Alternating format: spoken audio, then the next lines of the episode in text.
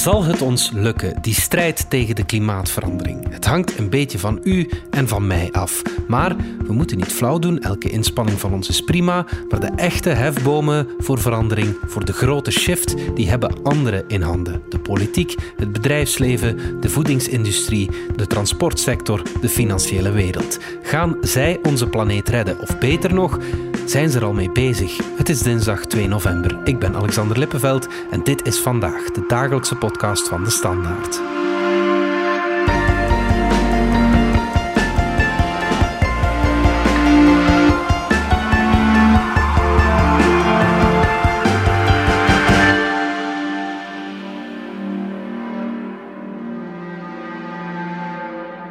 Sinds dit weekend verzamelen heel veel staats- en regeringsleiders in het Schotse Glasgow om de strijd tegen de klimaatverandering op te voeren. Deze COP26 wordt de belangrijkste klimaattop sinds Parijs in 2015. Die leverde toen wel een historisch akkoord op, maar het was niet genoeg. En ondertussen is er veel veranderd. Droogte, branden en overstromingen confronteren de wereld steeds meer met de gevolgen van de globale opwarming. Jongeren die zijn in veel landen op straat gekomen om de leiders tot meer urgentie aan te manen.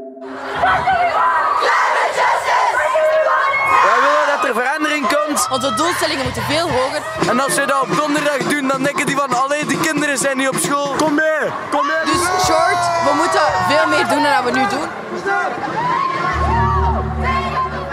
Tanker van industrie en financiën heeft de bocht naar een CO2-neutrale economie wel al ingezet. Het beste voorbeeld, de ambitieuze Europese Green Deal, waarbij een reductie van de CO2-uitstoot met 55% tegen 2030 en de volledige klimaatneutraliteit tegen 2050 wettelijk verankerd zijn.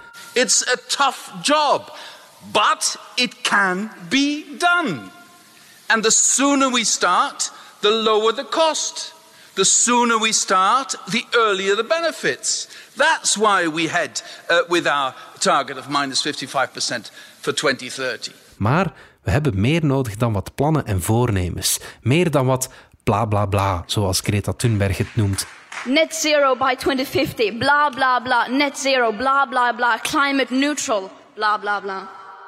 Willen we de klimaatverandering het hoofd kunnen bieden, dan moeten we nu bezig zijn met de grote shift. En daarover gaat deze podcast. De Standaard organiseerde vorige week vijf debatavonden met de belangrijkste toplui uit de industrie, het bedrijfsleven, de financiën en de politiek. Zij hebben de macht om veel in beweging te zetten. Maar doen ze dat ook? De inzet laten we meteen even horen hoe die op de eerste debatavond werd verwoord in Leuven.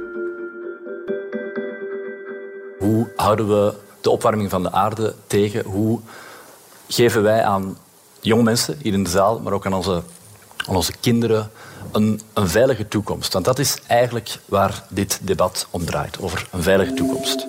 Dat was William Tots. Die werkt voor de Europese NGO Transport and Environment. Die zet zich in voor proper, zuiver transport. We laten hem ook vertellen waarom we in onze zoektocht naar de grote shift beginnen met de transportsector. De transportsector, ja, dit is de sector waar de strijd tegen de opwarming van de aarde gewonnen of verloren zal worden. De transportsector in Europa, ik leid een Europese organisatie, is verantwoordelijk voor bijna 30% van de CO2-uitstoot. Het is de grootste vervuiler in onze economie. En het is ook de enige sector in de economie waar de afgelopen 30 jaar de uitstoot voortdurend is toegenomen. Terwijl in de elektriciteitssector, de gebouwen, in de industrie de emissies naar beneden zijn gegaan, zijn die in de transportsector gestegen. Dus heel veel van de vooruitgang is daar verloren gegaan.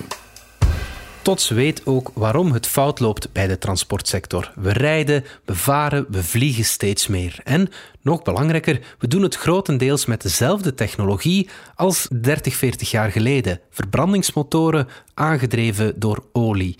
Dat systeem dat moet op de schop als we de klimaatverandering willen tegenhouden. En gelukkig is er hoop. Zo trapte Tots de grote shift op gang. Want de afgelopen jaren, de afgelopen 10, 15 jaar, is er heel veel vooruitgang gemaakt. Achter de schermen door dappere wetgevers vooral. De rol van regelgeving in de strijd tegen klimaatverandering is cruciaal. In Californië, in Europa, in China hebben wetgevers de afgelopen jaren heel veel belangrijk werk gedaan. En dat betekent dat we vandaag eigenlijk de technologie en de know-how hebben om die transportsector bijna volledig CO2-neutraal te maken in de komende jaren. Natuurlijk gaat het dan over elektrische wagens en die markt die wordt steeds groter. Maar dat kan niet worden gezegd van het vrachtwagentransport. We luisteren even naar Benny Smets, voorzitter van de Transportfederatie FEBETRA. we hebben elektrische personenwagens, maar nog geen elektrische vrachtwagens. En daar komen we tot het punt is dat wij als transportbedrijf eigenlijk leidend voorwerp zijn. Dat zelfs als wij willen vooruitgaan, en, en dat is ook al in het verleden, heb ik met William er ook over gesproken, ook dat wij ook als early adapter een van de eerste willen zijn om te investeren in nieuwe technologieën. Maar vandaag zijn er eigenlijk weinig merken die al een productieklaar voertuig hebben. Er zijn er enkele, maar dat is echt beperkt. Ik denk dat er vorig jaar maar een paar in België verkocht zijn. Wij zelf hebben er nu een paar in bestelling. Die worden geleverd waarschijnlijk eind 2023. Het probleem is de beperkte actieradius. Een vrachtwagen is veel zwaarder dan een personenwagen en daardoor heeft zo'n vrachtwagen veel sterkere batterijen nodig, die ook weer plaats innemen. Daarnaast gaan die elektrische vrachtwagens ook een grotere laadinstallatie nodig hebben. Eenvoudig wordt het allerminst voor de sector om klimaatneutraal te worden. Ik denk dat dat besef heel duidelijk is. En ik denk voor elke transporteur dat het, transporteur dat het doel ook duidelijk is. En daar willen we ook allemaal naartoe.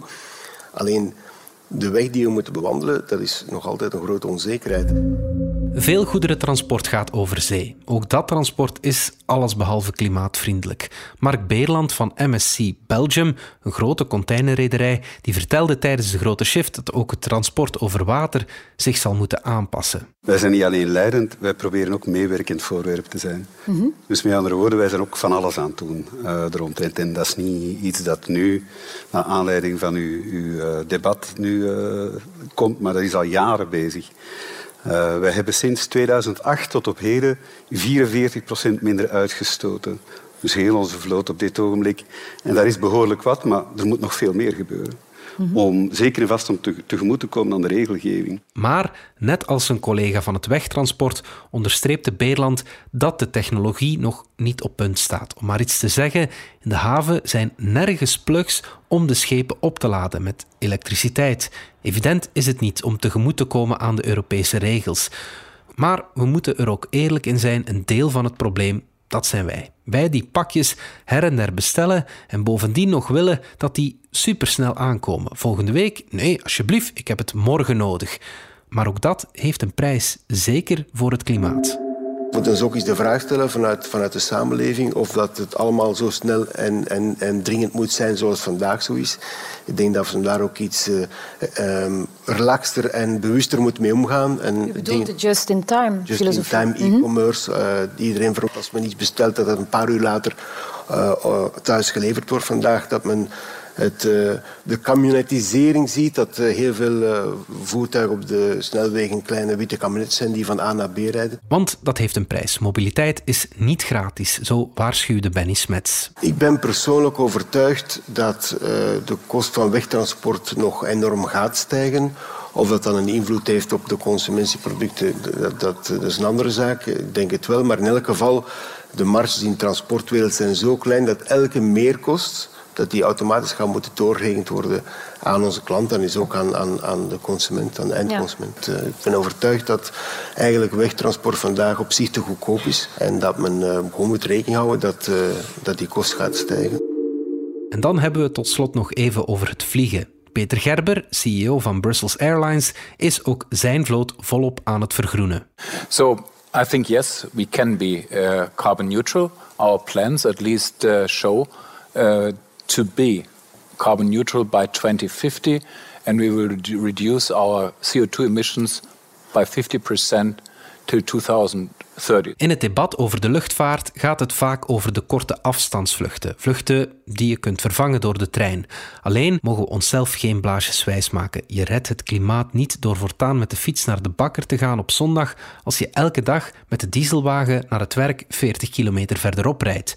Zo red je het klimaat ook niet door de korte vluchten ervan tussen te halen, terwijl we nog steeds naar New York en Shanghai vliegen. Let wel, niemand in het debat pleitte ervoor dat we dan maar meer moeten thuisblijven. Alhoewel, al die businessvluchten moet dat echt. De coronaperiode heeft ons misschien wel geleerd dat we met minder kunnen. Al die, al die business travelers die normaal heel tijd over en weer reizen. En je moet weten, dat is ongeveer 20% van, uh, van het vliegverkeer. Maar dus qua inkomsten voor de airlines weer meer dan de helft. Dus die business travelers, dat is, ik denk dat daar een, grote kans zit om, om, om daar minder op te, uh, veel minder te vliegen. Geld. Ik vertel u niets verrassends als ik zeg dat het daarover vaak gaat. In de grote shift van de standaard werd dan ook gedebatteerd met toplui van KBC, BNP Paribas Fortis, verzekeraar Ageas en ook de gouverneur van de Nationale Bank, die was er Pierre Wunsch. De KBC-topman Johan Thijs die had alvast een mooie primeur. Wij hebben uh, aangekondigd uh, vandaag dat wij niet meer investeren in uh, bedrijven die nieuwe gas- en olievelden willen ontginnen. En de exploitatie daarvan, toelevering daarvan, alles daarmee is gedaan. Dat is een mooi initiatief natuurlijk. Maar Thijs gaf in het debat zelf toe dat dit maar een stapje is. Want de deur voor die vervuilende bedrijven die gaat dan wel dicht bij de banken, maar die bedrijven trekken dan vervolgens naar hefboomfondsen om zich te laten financieren en die krijgen dan meteen de kans om wel vervuilende kredieten te verschaffen en daarvoor een flinke marge aan te rekenen. De banken en verzekeraars waren wel duidelijk in hun boodschap dat wie een vervuilend krediet wil, het deksel op de neus krijgt. En vooral bedrijven die nu nog vervuilen en geen actieplan hebben om CO2-neutraal te worden, die worden wandelen gestuurd. Ook bestaande klanten. De financiële sector zet wel volop in op transitie, met investeringen die ervoor zorgen dat activiteiten minder vervuilend worden. Pierre Wunsch, de gouverneur van de Nationale Bank, die had eigenlijk een simpele boodschap. Hij gelooft vooral in de werking van de markt. Uiteindelijk moet CO2-uitstoten zo duur worden dat het niet meer gebeurt. De prijs is vandaag te laag en het gaat te traag, zei hij. Niet als gouverneur evenwel, maar als privépersoon. We moeten regels hebben, uh, of, of een prijs voor CO2, zodat iedereen met de neus in dezelfde richting gaat naar uh, CO2-neutraliteit. En ik zie dat als een rol voor de, de, autoriteit, de regering, om de regelgeving te bepalen wie zal een inspanning wanneer moeten doen. En zonder dat, eerlijk gezegd, denk ik dat, wij, dat wij... Het gaat vandaag te traag.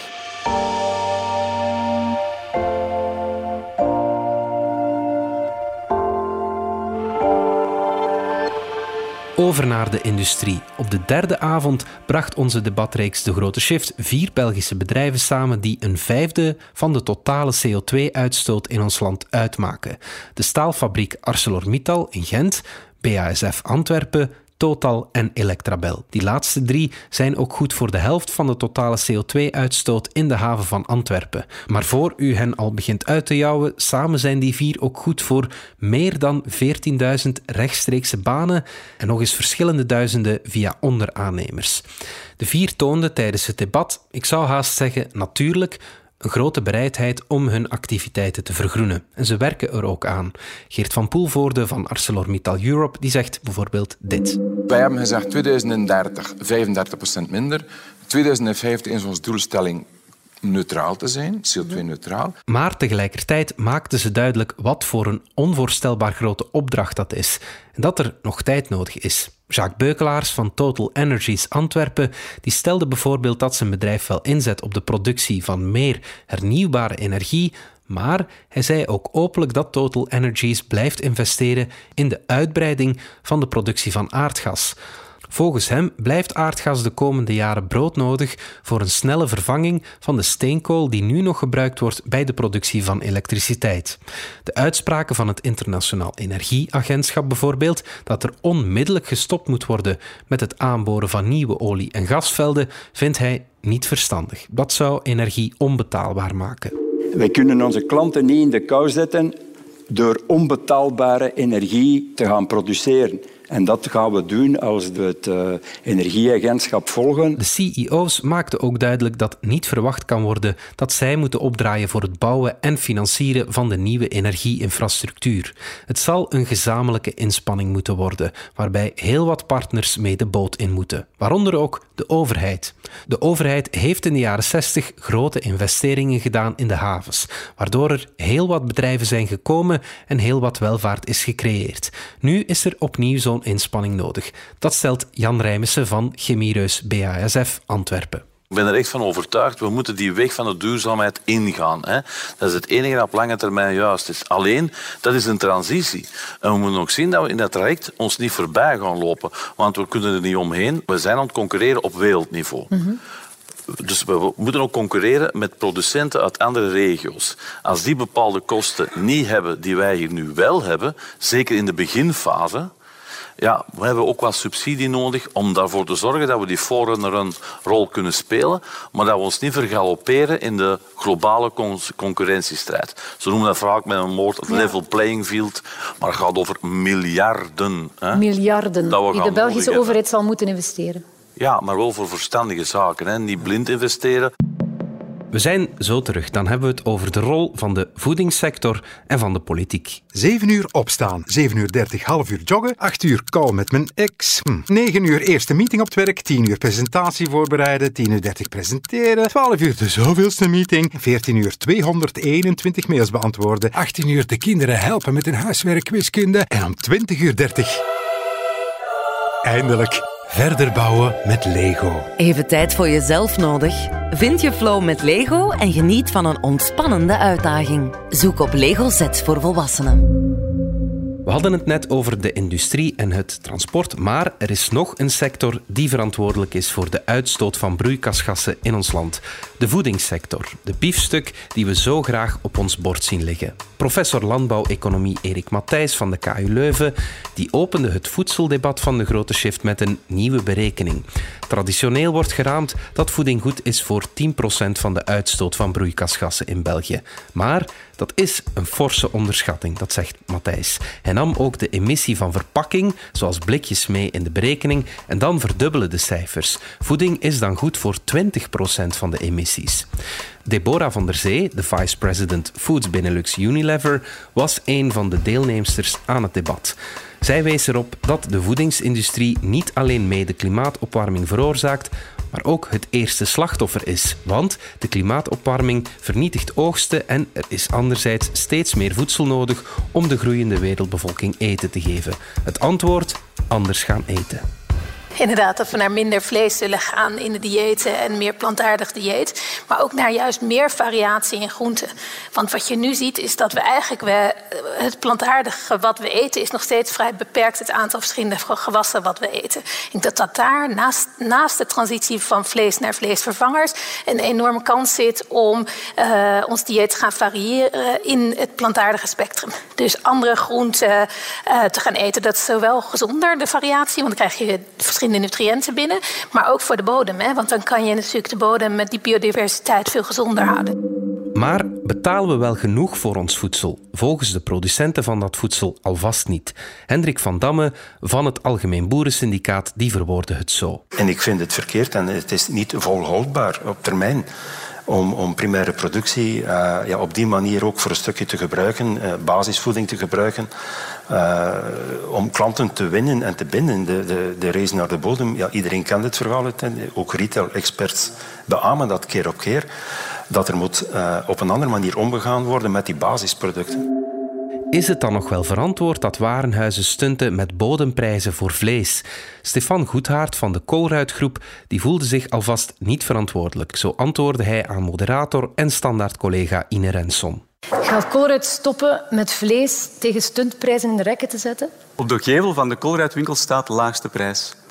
Wij bepalen nooit die prijs, wij volgen de prijs. Dus als er iemand in de markt een lagere prijs in op een product plaatst, dan gaan wij volgen. Colruit gelooft vooral in het verleiden van de klanten en hen informeren richting duurzaamheid. Dat zei Goedhart nog. Er komen nog meer vleesvervangers in het assortiment en Colruit heeft ook een eco-score per product ingevoerd. Het moet de consument overtuigen om duurzamere producten te kopen. Zo hoopt de winkelketen toch. We zullen allemaal anders moeten gaan eten. Zoveel is duidelijk.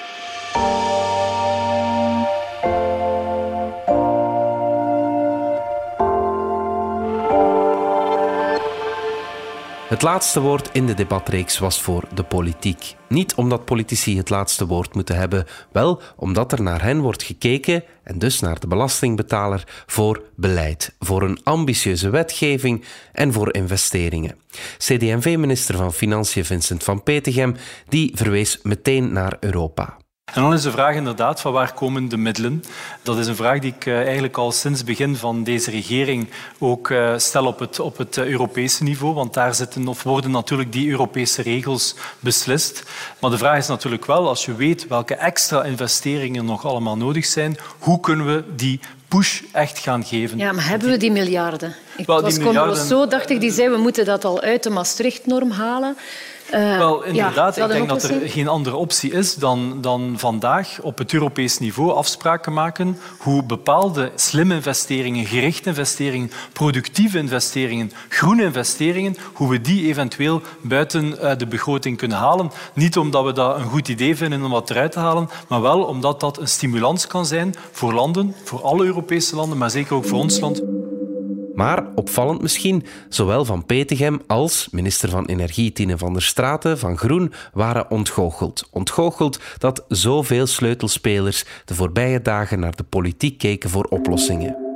Ik, ik, ik was heel verbaasd de voorbije week als ik keek naar alle verschillende debatten, hoe vaak er gezegd werd, wij kijken naar de overheid voor de oplossing. Mhm. Ik was daar eigenlijk een beetje door ontgoocheld. Ik ook. U was niet ontroerd. Eh, ontroerd, nee, dat was ik absoluut niet. Maar ehm, ik was er een beetje door verbaasd. En ik ben er ook van overtuigd dat, men, dat de overheid een rol in dit verhaal te spelen heeft. Maar dat heeft de privé, dat heeft de industrie, dat hebben de banken evenzeer.